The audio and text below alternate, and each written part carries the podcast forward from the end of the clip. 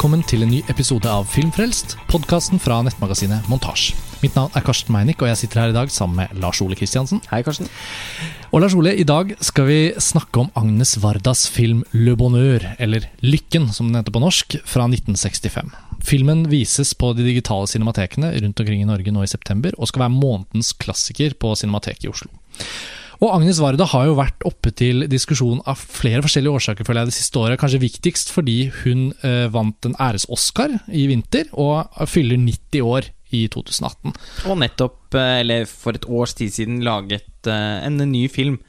Nettopp. Som hun også ble Oscar-nominert for. Nettopp. 'Faces Places', som er en eh, dokumentarfilm laget sammen med kunstneren JR. Og i den forbindelse så har de også i fjor så var jo Varda på de digitale cinematekene med Cleo fra 5 til 7.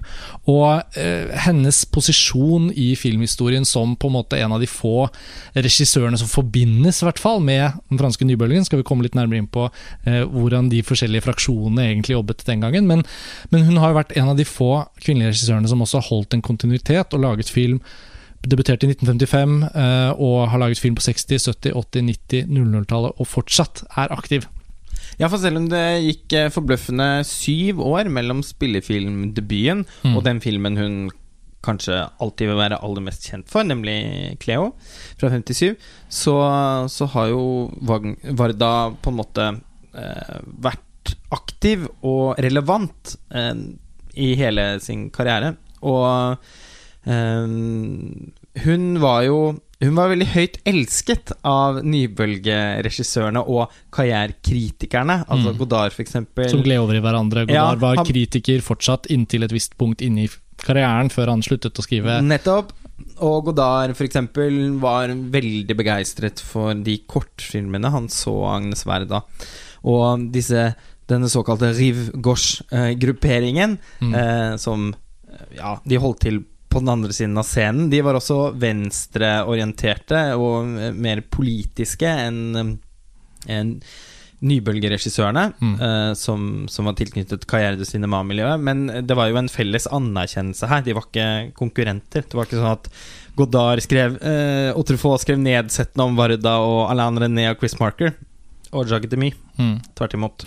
Ja, og så ser man jo også med forskjellige historiske perspektiver tilbake på den perioden i fransk film, som man jo i etterkant kan for, for, vår generasjon så er jo dette klassikere på sin måte, men i den tiden da de laget filmene, og da de skrev om film i karrierecinema, så var det jo kontemporært for dem, og de så til hverandre, men det var veldig klare skiller. Nettopp dette med de som var venstreorienterte og politisk engasjerte, mens uh, Truffaut Godard, for eksempel, som i begynnelsen i hvert fall, først og fremst var cineaster, som kom boblende ut av, ja. ut av liksom armhulen til Henri Langlois. Og, og, Varda var jo en filmskaper som selv ikke kom fra en sånn bakgrunn. Uh, Nei, altså da hennes debutfilm uh, ble sammenlignet av mange kritikere med La Taratrema til Visconti, så eh, visste visstnok ikke Varda hvem Visconti var. Eh, hun var i utgangspunktet ikke, ikke sinast, men ble det av men å begynne å eh, Altså, hun hadde et behov for å fortelle historier, og følte at filmen som som kunstuttrykk var mest nærliggende for henne å bruke som medium. Mm. Eh, og i den prosessen så ble hun jo selvfølgelig også en stor cineast, men eh, morsomt nok så kom jo ikke hun da fra en sånn nerdebakgrunn eh, som f.eks. Truffaut Godard gjorde. Nettopp. Og de, de skillelinjene er det jo naturlig å trekke opp nå som vi skal snakke om en av hennes filmer, fordi det er veldig lett, ikke sant. Er jeg har tatt meg selv i å, å, velge den litt sånn enkle kjært barn av mange navn, og liksom nybølge bestemor, Agnes Varda. ikke sant? Det er jo litt gøy fordi det er så fantastisk å se hennes filmografi, altså opprettholdelsen av produksjon. Og så kan man si hva er høy kvalitet og hva er litt mindre høy kvalitet i løpet av en så lang karriere. Men, men det var jo forskjeller tatt noen opp på nedturer, men, ja, men det var jo forskjeller det, og det jeg skulle frem til var at det var forskjeller den gangen som kanskje ikke er så tydelig for oss nå.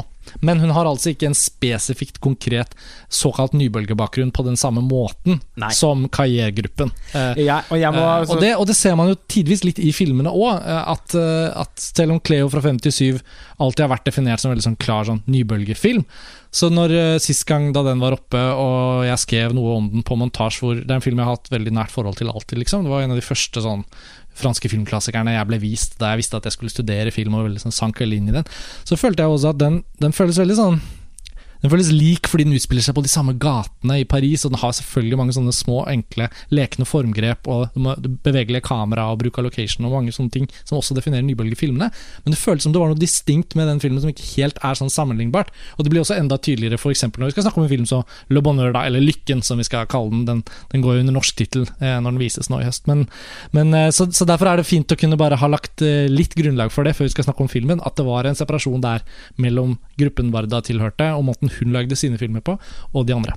Ja, og eh, jeg kan jo ærlig innrømme at jeg, jeg er ikke noen Agnes Varda-ekspert. Jeg har f.eks. ikke sett noen av de filmene hun lagde i California på 70-tallet. Jeg kjøpte kjøpt de på, på sånn Criterion Eclipse. Eh, de har denne slags um, sideseksjonen til Criterion har utgitt disse filmene på DVD for et par år siden eller noe sånt nå. Den har blitt stående på hylla, men skal åpnes på et passende tidspunkt. Uh, men generelt så har jeg altså sånn eh, Jeg også syns også Cleo fra 57 er en utrolig eh, Egentlig en sånn gripende film, for den er så lett å identifisere seg med. Uh, vi hadde begge to uh, nettopp et gjensyn med Hannah and Her Sisters til Woody Allen. Mm. Uh, og det, den fikk meg til å tenke på Cleo fra 57. Mm. Fordi den Altså be, i, i, begge filmene så ser vi jo at hovedpersonene skal vente på noen res resultater fra legeunder, ganske alvorlige fatale. Mm. Potensielt fatale legeundersøkelser som skal utelukke eller bekrefte eventuelt dødelig sykdom. Mm. Så eh, Og det er jo ah, Altså sånn Hun er veldig god på å, å skape identifikasjon. Mm. Samtidig som hun også er ganske god på å, å, å holde oss altså, gjøre oss interessert i rollefigurer som eh, eksisterer litt på en sånn egen planet, eller på, altså Som f.eks. Sandrine Bonner i Vagabond, mm. som ikke er så veldig lett å identifisere seg med, men definitivt veldig fascinerende å følge. Mm. Eh, karakteren hennes har ofte, i motsetning til eh, mer sånn konvensjonell i, i, mer konvensjonelle filmfortellinger, så opplever jeg gjerne at Varda ikke Én ting er at hun ikke er så opptatt av forløsning, eh, ofte litt sånn skjebne Eh, aktige filmfortellinger, egentlig. Mm. Eh, fatalistiske ja, Du det, vi, brukte vi snakket, det ordet da vi snakket om det i stad. Ja, og, og, det føles ikke Det føles ikke så Føles ikke så eh, søkt å trekke det inn, eh, nettopp fordi hun presenterer så spesifikke eh, tematiske og, og, narrative ting i historiene sine. Cleo. Liksom, og så mangler ofte rollefigurene sånne type sånn Det er derfor jeg nevnte at jeg føler at de skiller seg historiene, historiene hennes skiller Og rollefigurene hennes skiller seg fra de, det vi liksom får i mer sånn konvensjonelle filmfortellinger, fordi at eh, de liksom ikke alltid tar noen altså, Ikke alltid liksom tar noen tydelige valg, mm. som er veldig typisk. Mm. Altså, nå er det sånn point of no return. Ja, ja, ja. Liksom sånn, det er Føles ikke skjematiske på Nei. den måten. Og så kan de mangle egenskaper som vi er veldig vant til. At uh, eh, F.eks. Sandrine Bonner i, i, i, Vagabond, som liksom aldri vil noe. altså, uh, hun er jo da en vagabond som mm. vandrer fra, uh, fra sted til liksom, sted. Det løse gjengeriet blir bokstavelig talt ja. smittende over på narrativet. Og når hun blir kjent med, med, med nye folk, så oppstår det alltid en forventning om at uh, At hun skal bidra, eller uh, i det minste gi uttrykk for hva hun vil. Altså, mm. hva, hva, tenker du, hva, hva, tenker du, rundt dette? Skal du bli værende her? Skal du dra videre? Hun vil ingenting. Mm. Altså, det er jo uh, kjempe Det er jo sånn Det er veldig inspirerende å bli kjent med den type rollefigurer, og det leder oss inn på Lykken, da, mm. som er en Altså en utrolig Både en utrolig underlig og enormt bra film. Ja. Dette er jo en helt uh, Faktisk en, uh, en virkelig en, en, ekstremt sterk og superinteressant film. Så skal det også sies at det er en film man bør gå til med minst mulig kjennskap til faktisk hva filmen egentlig viser seg å handle om. Så vi må jo nesten faktisk uh, anbefale lytterne her om å kanskje gå og se denne filmen eh, hvis dere er nysgjerrige. Hør gjerne litt til, men jeg tror vi skal legge inn et spoilervarsel Jeg på et tror vi det. Vi, Fordi vi må kunne diskutere hva filmen faktisk er, men jeg syns også vi unner lytterne som er nysgjerrige, hvis ikke vi har sett den, enten om dere har kjøpt den på DVD, har den på hylla eller låner den på biblioteket, eller da selvfølgelig anbefalt nå å gå til denne restaurerte kopien som skal vises på cinematekene. ikke minst fordi den DVD-utgivelsen er ganske dårlig. Ja, og det er en fargesterk og visuelt veldig spennende film som garantert gjør seg godt på Cinemateket. Så dere må gjerne ta på pause nå og spare siste halvdel av podkasten til etter at dere har sett filmen. Eventuelt hør videre, og så skal vi legge inn et tydelig spoilervarsel. Men du kan si litt generelt om hva filmen byr på når den først bretter seg ut. For dette er jo da en film som uh, Cleo fra 57 er jo en utrolig vakker svart-hvitt-film. Men Le Bonheur er en film, eller Lykken, da, er jo en film som er så opptatt av at den er i farger at den i løpet av de første framesene av forteksten bare kaster farger mot oss. Eh, solsikker på, ute på en eng, og liksom sterke farger i alle kostymer. Og den blir veldig sånn akutt fargesterk. Det er sånn Pierre, Pierre Olefon-nivå Ja, eh, på, På blåfargene i noe. ja, og Og rødfargene og Ja, gullfargene. og så handler det jo om en veldig, veldig lykkelig familie. Det er jo de vi møter først. Altså Til å begynne med så er filmen Altså Jeg satt og tenkte på, jeg satt og tenkte på lommepenger av. Eh, så satt jeg også og tenkte at den er likevel strengt tatt en mye mer sånn sammensatt film. Så at jeg tenkte en, en stund. Mm. Eh, en av mine personlige favorittfilmer for øvrig.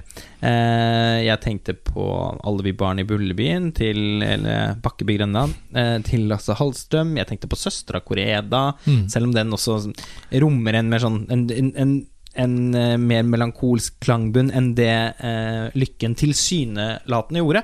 Aller mest tenkte jeg nok likevel på Dette er sånn høykvalitets barne-TV. Ja, dette må ikke misforstås som en form for kritikk eller noe, men du har helt rett.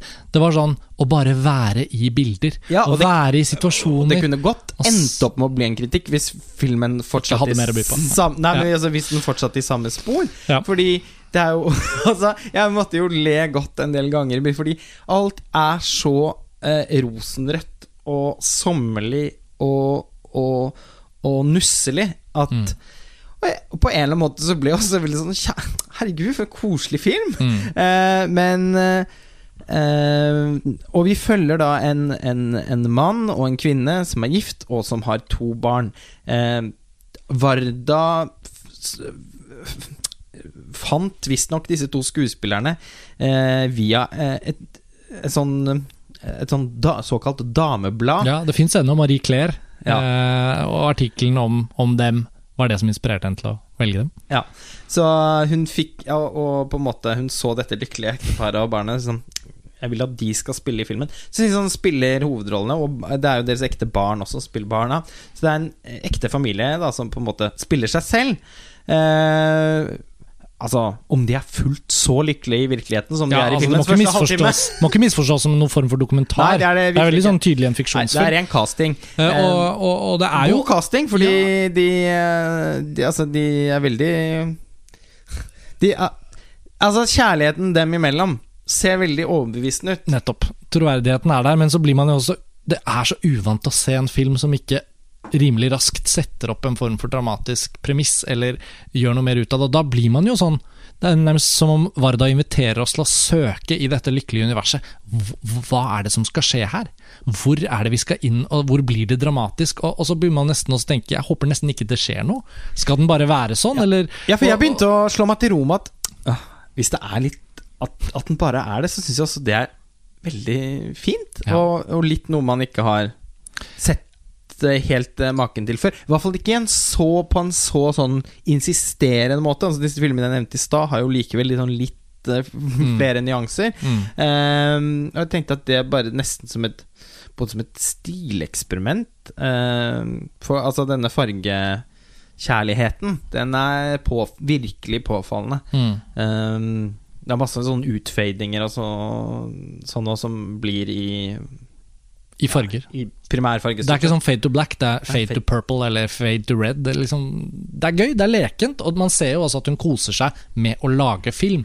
Og det er jo noe av det beste man kan forvente. Veldig mye sånn blomsterbuketter og sånne som som eh, Ja, og, og, og det, i denne familien så er jo mannen er jo da snekker og jobber på et snekkerverksted, litt sånn møbelsnekkeraktig.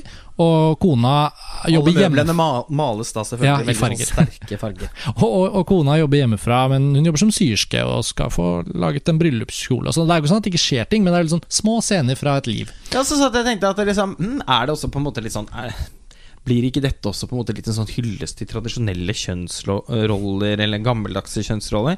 Fordi eh, det er jo litt sånn at hun eh, Kona er hjemme, og ja da, hun jobber, men hun passer også på barna, mens mannen Altså, det var noe sånn eh, etterkrigsaktig over, Ja.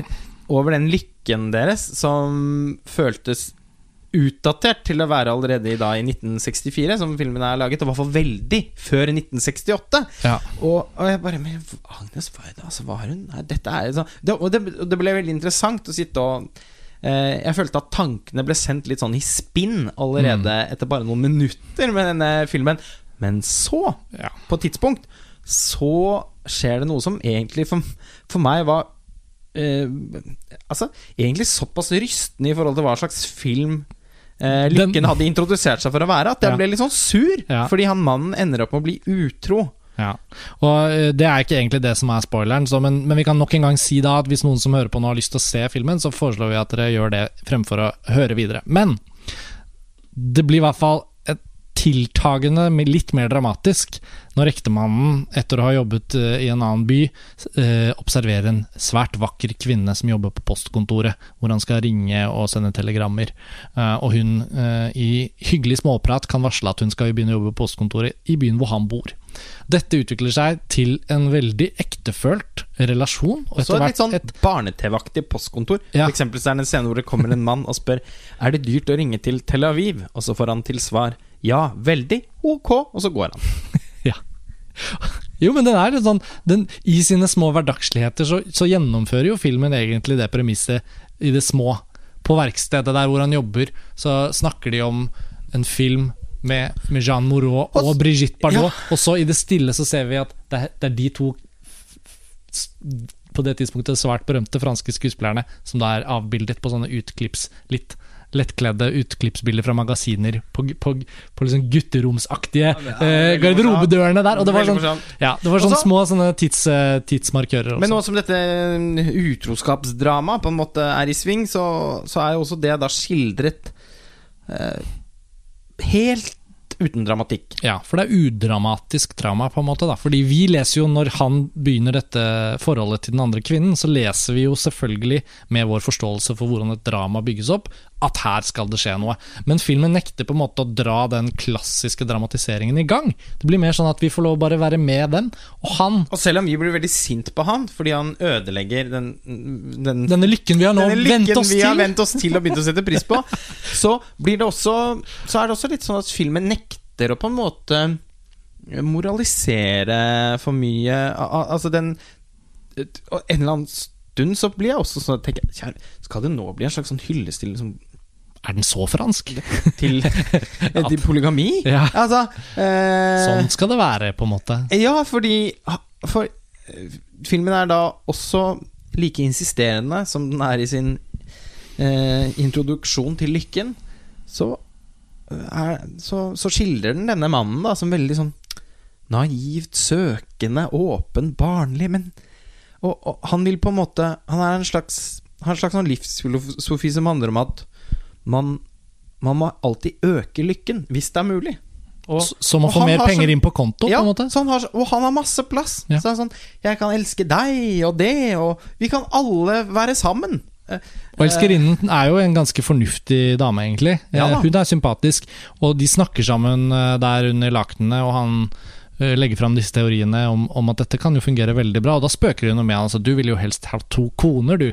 Ha-ha, nei da. Jeg elsker konen min og mine barn, men og, men, men jeg elsker deg også. ja. Og dere er forskjellige, og dere utfyller min lykke på forskjellige måter. Og han har noen utlegninger der som gjør at Hadde det ikke vært for at jeg visste at Agnes Varda da har skrevet og regissert dette, når man ser det, så hadde man jo vært enda mer sånn med et 2018 post metoo-blikk blitt litt sånn stram i øyenkroken mot hans holdning. Men så må man liksom ta hans verden og ha livsforståelse for det det er òg, da. Ja, fordi Agnes Varda har jo bestemt det. At uh, det, er, det er hans perspektiv. I begynnelsen så syns jeg det er litt sånn åpent hvem sitt perspektiv vi følger, men etter hvert så blir det da hans.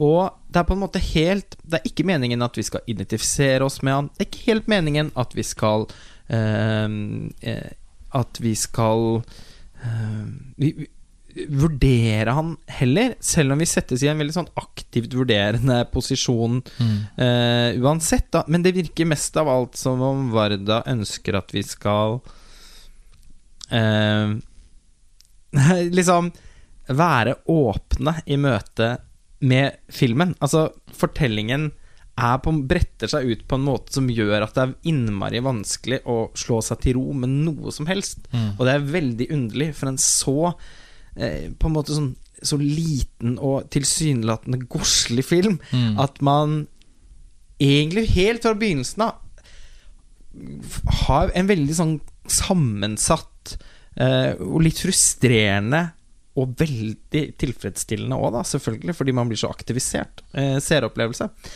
Og underveis så måtte På, på et tidspunkt så så velger eh, hovedpersonen å fortelle sin kone om hva som har skjedd.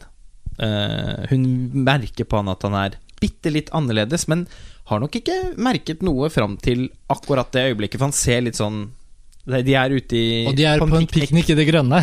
Jeg måtte følge De også er i filmens åpning. Ja, og de er ute under et vakkert tre, og barna har lagt seg sånn utrolig veloppdragent bare til å sove under noe myggnetting. Er liksom, bare legger de ned, og så sovner de med en gang. mm, Helt utroverdig, selvfølgelig, men uansett. Det var en veldig skjønn måte å skildre det på, og der ligger de to, og hun sier sånn Du er litt annerledes, liksom. Du er jo du er så lykkelig, men er det likevel noe annet? Og på den måten så Nesten for lykkelig. Og han har jo sagt tidligere i filmen nå at han ikke lyver. Mm. Hvorpå man blir jo litt nysgjerrig på når er det du på en måte skal Men han lyver jo ved å holde tilbake ved å den holde tilbake den informasjonen. og nå innser han at dette er øyeblikket. Det er ukomfortabelt for meg å tenke at dette er, eh, Det er Og så bruker han jo en veldig kvapsete metafor, da. Å snakke om at liksom, vi er som en, et epletre som vokser, men det er et annet epletre utenfor hagen som jeg også vil spise fra. Altså sånn, Han drar opp en sånn. Og, og, og man Og da, ser da forteller at- han jo at han har et forhold, da. Og man henne. ser på henne at At hun tar det dårlig imot, men hans retorikk er så eh, voldsom at hun klarer liksom ikke helt å stå imot den. Og han, og, og han, Han er sier positiv, han ser kan, muligheter i alt." Jeg forlater henne gjerne hvis du ikke vil, og, Mm. men jeg tror at vi alle sammen kan klare å skape en enda større lykke enn den vi allerede har. Det er bare mer Det lykke. bare blir bare mer lykke. Kan Særlig for han, da. ja, altså Det er jo på en måte helt dust. Eh, og så ligger de sammen. Veldig sånn vakkert, liksom På Ja. en måte sånn, det, det virker som om uh, uh, foreningen av de to som et ektepar når et nytt stadie. For selv de kan overkomme også denne. Mm. så, Og samtidig som jeg, det er noe med henne i den scenen som, jeg, som ga meg en veldig dårlig følelse. Uh, veldig subtilt, men det var noe der. Mm. Og så sovner de. Han våkner opp, hun er borte. Barna våkner. eh, og så, så, så, så slår, eh, slår du en spøk mens vi ser filmen og sier mm. Der er det vel sånn at mm, Det blir litt sånn en Hanek-film at hun har gått og hengt seg, da. Ha-ha, sa jeg da. Og, og, og, hun, og hun har druknet seg selv i en sjø, da, viser det seg.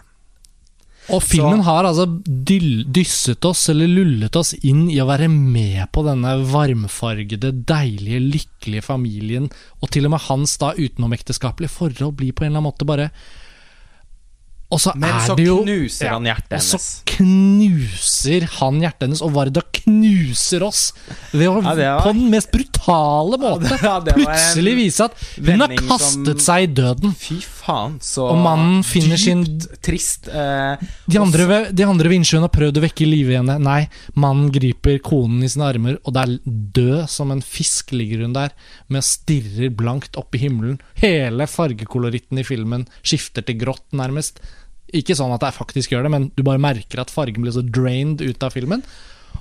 Og det var Varda, det Varda da har i ermet, rammer oss jo. Eh, og det, det er jo selvfølgelig en bra ting for filmens Ja, kvalitet. altså, det, det, plutselig så blir det en eh, Men det er en, noe eh, Haneke-vending. Det, er som det er som spolingen av videokassetten i Funny Games-følelse. Ja. Eh, litt. Ja. Eh, eller altså Og Og Der er jo stemningen dårlig allerede, selvfølgelig. Da. Men, Ja da. men en sånn, Ja. men en sånn Nei, følelse av at veldig- filmen plutselig bare griper deg med, en, med et sånt eh, grep. Ja, og, Ja. Og, og plutselig så blir det jo også på en måte en helt sånn ganske fryktelig film om konsekvensen av utroskap. Mm. Altså eh, Fatal Attraction kan jo bare gå og legge seg. Ja, og jeg tenkte på. Trofos, den myke huden, altså Le Podos, Mm. som, eh, som eh, jeg vel nevnte også da før dette skjedde. Uh, Hvisket til deg at liksom det Han får det jo lett, han her, i Vardas film. For i Trofos film så får han jo hagla rett i Altså sånn ikke, Du blir straffet. Det er rart at ikke hun straffer han, tenkte jeg. Og, og så, så gjør hun det jo, men hun gjør det på en helt annen måte. Da. Straffen er på en måte å overleve det, og, og vite at du har eh, Samtidig så er det også litt sånn sendt kona di i døden, egentlig. Ja. Og det er i og for seg litt åpen for tolkning, for det blir ikke sagt at hun tar selvmord. Det er en sånn et, En bitte liten åpning for at hun liksom kan ha falt ut i Altså, mm. Altså, gjennom, filmen så, gjennom filmen så opp, opp, inntreffer det sånne små, raske flashklipp som tar et bilde og bare slenger det inn, og så rett tilbake til der man var. Og så er det sånn, Var det et flash forward, var det flashback, eller var det bare et glimt av noe? Og når han holder henne død i armene, så er det jo et glimt av at hun ø, ø, griper tak i en kvist. Kanskje hun forsøker å overleve. Så, så det holdes faktisk åpent, som du sier, at det er ikke nødvendigvis sånn at hun må ha eh, valgt å kaste seg i vannet for å dø, men skjebne, altså dommen som på en måte fortellingens skjebne gir oss, er jo utvetydig, da. Absolutt. Og, og, og vår tolkning eh, er uansett på en måte at, eh, at det er et selvmord. Mm. Og, og så ender jo mannen opp da med å leve et nytt liv sammen med sin elskerinne. Hun blir barnas nye mor. Mm. Hun fortsetter å fremstå usedvanlig sympatisk og eh, ser ut til å skape en relasjon til barna som er kjempepositiv. Altså Egentlig så møter vi de med fornyet lykke eh, i landskaper som ligner dem eh, vi, vi ble kastet inn i i begynnelsen av filmen. Altså Vi er igjen ute i det grønne, men det grønne er ikke like grønt lenger. Det er blitt høst, Mm. så det er mer sånn brungult. Ja, og mer trenger jo ikke være det helt å gjøre. Mozart-musikken, som også er veldig sånn Ja, det er en sånn klari- klarinettkvintett Ja, det hele sånn filmen gjennom. Lidderlig i begynnelsen uh, og gjennom store deler av filmen. Mm. Den er også noe mer Mm. det, Det er mer sånn siste akt Amadeus-stemning i slutten av Le Bonheur. ja, Om enn ikke Ikke helt rekviem. Og, om enn ikke helt rekviem, Nei, så men det var et toneskifte, bokstavelig talt. ja, altså, det, Absolutt. Og, og da blir også filmen Det er sånn veldig klokt av filmen, det òg. Og igjen skape en sånn ambivalens, fordi den velger da også på en måte provoserende nok å ikke helt straffe han. Eh, vi vi må jo regne med at det vil være et sånn sort hull inni hjertet hans som en dag vil bli helt uutholdelig å leve med. Mm. Eh, fordi han vet at han indirekte er skyld i sin kones og så uansett sitt livs store kjærlighet sin død. Men samtidig så er jo hans Han er jo Livsfilosofien hans er konsekvent, da. Mm. Han eh, vil fylle liv, livet med mest mulig lykke, og ser ut til å fortsette å gjøre det. Nå er jo lykken litt redusert, men det er fortsatt glass Det virker som at for han er glasset heller halvfullt enn halvtomt. Ja, og, men likevel, det ble sagt uh, i den uh, Du hadde jo en artikkel her av Christian Broad Thomsen, den fantastiske danske filmviteren og filmskaperen. Og, uh, han påpeker jo at filmen har det man kan si at er er sånn Den mannens holdning til å finne seg en annen har noe sånn premoralsk over seg. At det er jo ikke sånn at han bryter med god moral. Det er som om han ikke er i, klar over at det er behov for en moral.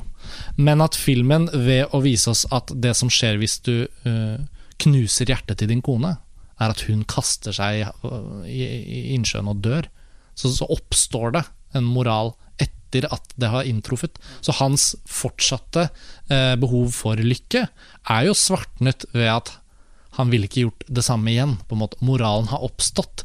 Du skal ikke elske noen annen enn din kone. For hvis du gjør det, og knuser hjertet hennes, da kan det hende at hun tar livet av seg. Og det er jo en litt sånn flott måte å være en moralfortelling på, da. Eh, Absolutt. Og jeg syns Varda virkelig Altså, jeg elsker Cleo fra 57, men denne filmen, eh, ja.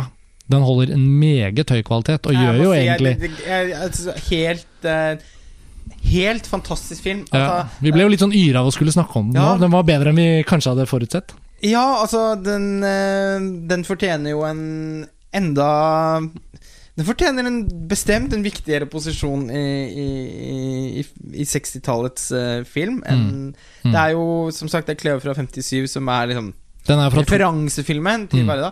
Jeg ville eh, Og Uh, ikke et halvt vondt ord om den, uh, som sagt, men, men jeg ville lett byttet den ut med, med Le Bonheur Mm. for, uh, som, eller Lykken, fordi Altså Noe av det deiligste man kan oppleve når man ser så mye film eh, som vi gjør, er jo å virkelig føle at man blir uaktivisert aktivisert og utfordret. Mm. Eh, nesten hele tiden. Altså Mm. på de én timen og hva er det, 16 Ja, altså, det var en helt 17 fantastisk spilletid òg. Denne filmen varer i 76 minutter. Ja, det er helt vidunderlig. Altså Den bruker hvert minutt til eh, å, å, å, Og den å forberede det punchet, Ja, og og når det kommer, så og så er den trenger den ikke mer Den trenger ikke liksom mer pust for å bli kompleks. Mm, altså Den nettopp. er så sammensatt og komplisert, mm. og så mye å ta inn over seg allerede. Jeg Mm. var så vanvittig imponert hvordan hun sjonglerte uh, den Altså Mm.